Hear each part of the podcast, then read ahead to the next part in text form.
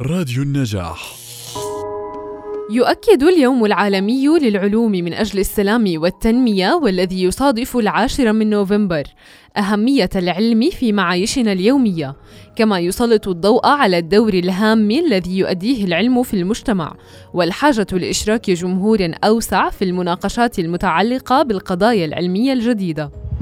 يهدف اليوم العالمي للعلوم من أجل السلام والتنمية من خلال ربط العلم على نحو أوثق مع المجتمع إلى ضمان اطلاع المواطنين على التطورات في مجال العلم كما أنه يؤكد على الدور الذي يقوم به العلماء في توسيع فهمنا لهذا الكوكب الهائل والملقب ببيتنا الكبير في جعل مجتمعاتنا أكثر استدامة.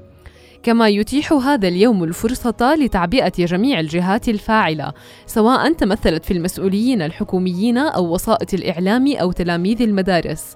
ذات الصلة بموضوع العلم من أجل السلام والتنمية. وتشجع اليونسكو بقوة على المشاركة في الاحتفال بهذا اليوم العالمي من خلال تنظيم الفعاليات والأنشطة. وبحلول وباء كوفيد-19 فإن اليونسكو ترتكز على ثلاث ركائز أساسية في استجابتها لذلك حيث تتضمن تعزيز التعاون العلمي الدولي وضمان تيسير الحصول على المياه ودعم إعادة الإعمار البيئي فهل سنستطيع مجابهة آثار هذا الوباء من زاوية العلوم من أجل السلام والتنمية سريعاً؟ بيان شاهين لراديو النجاح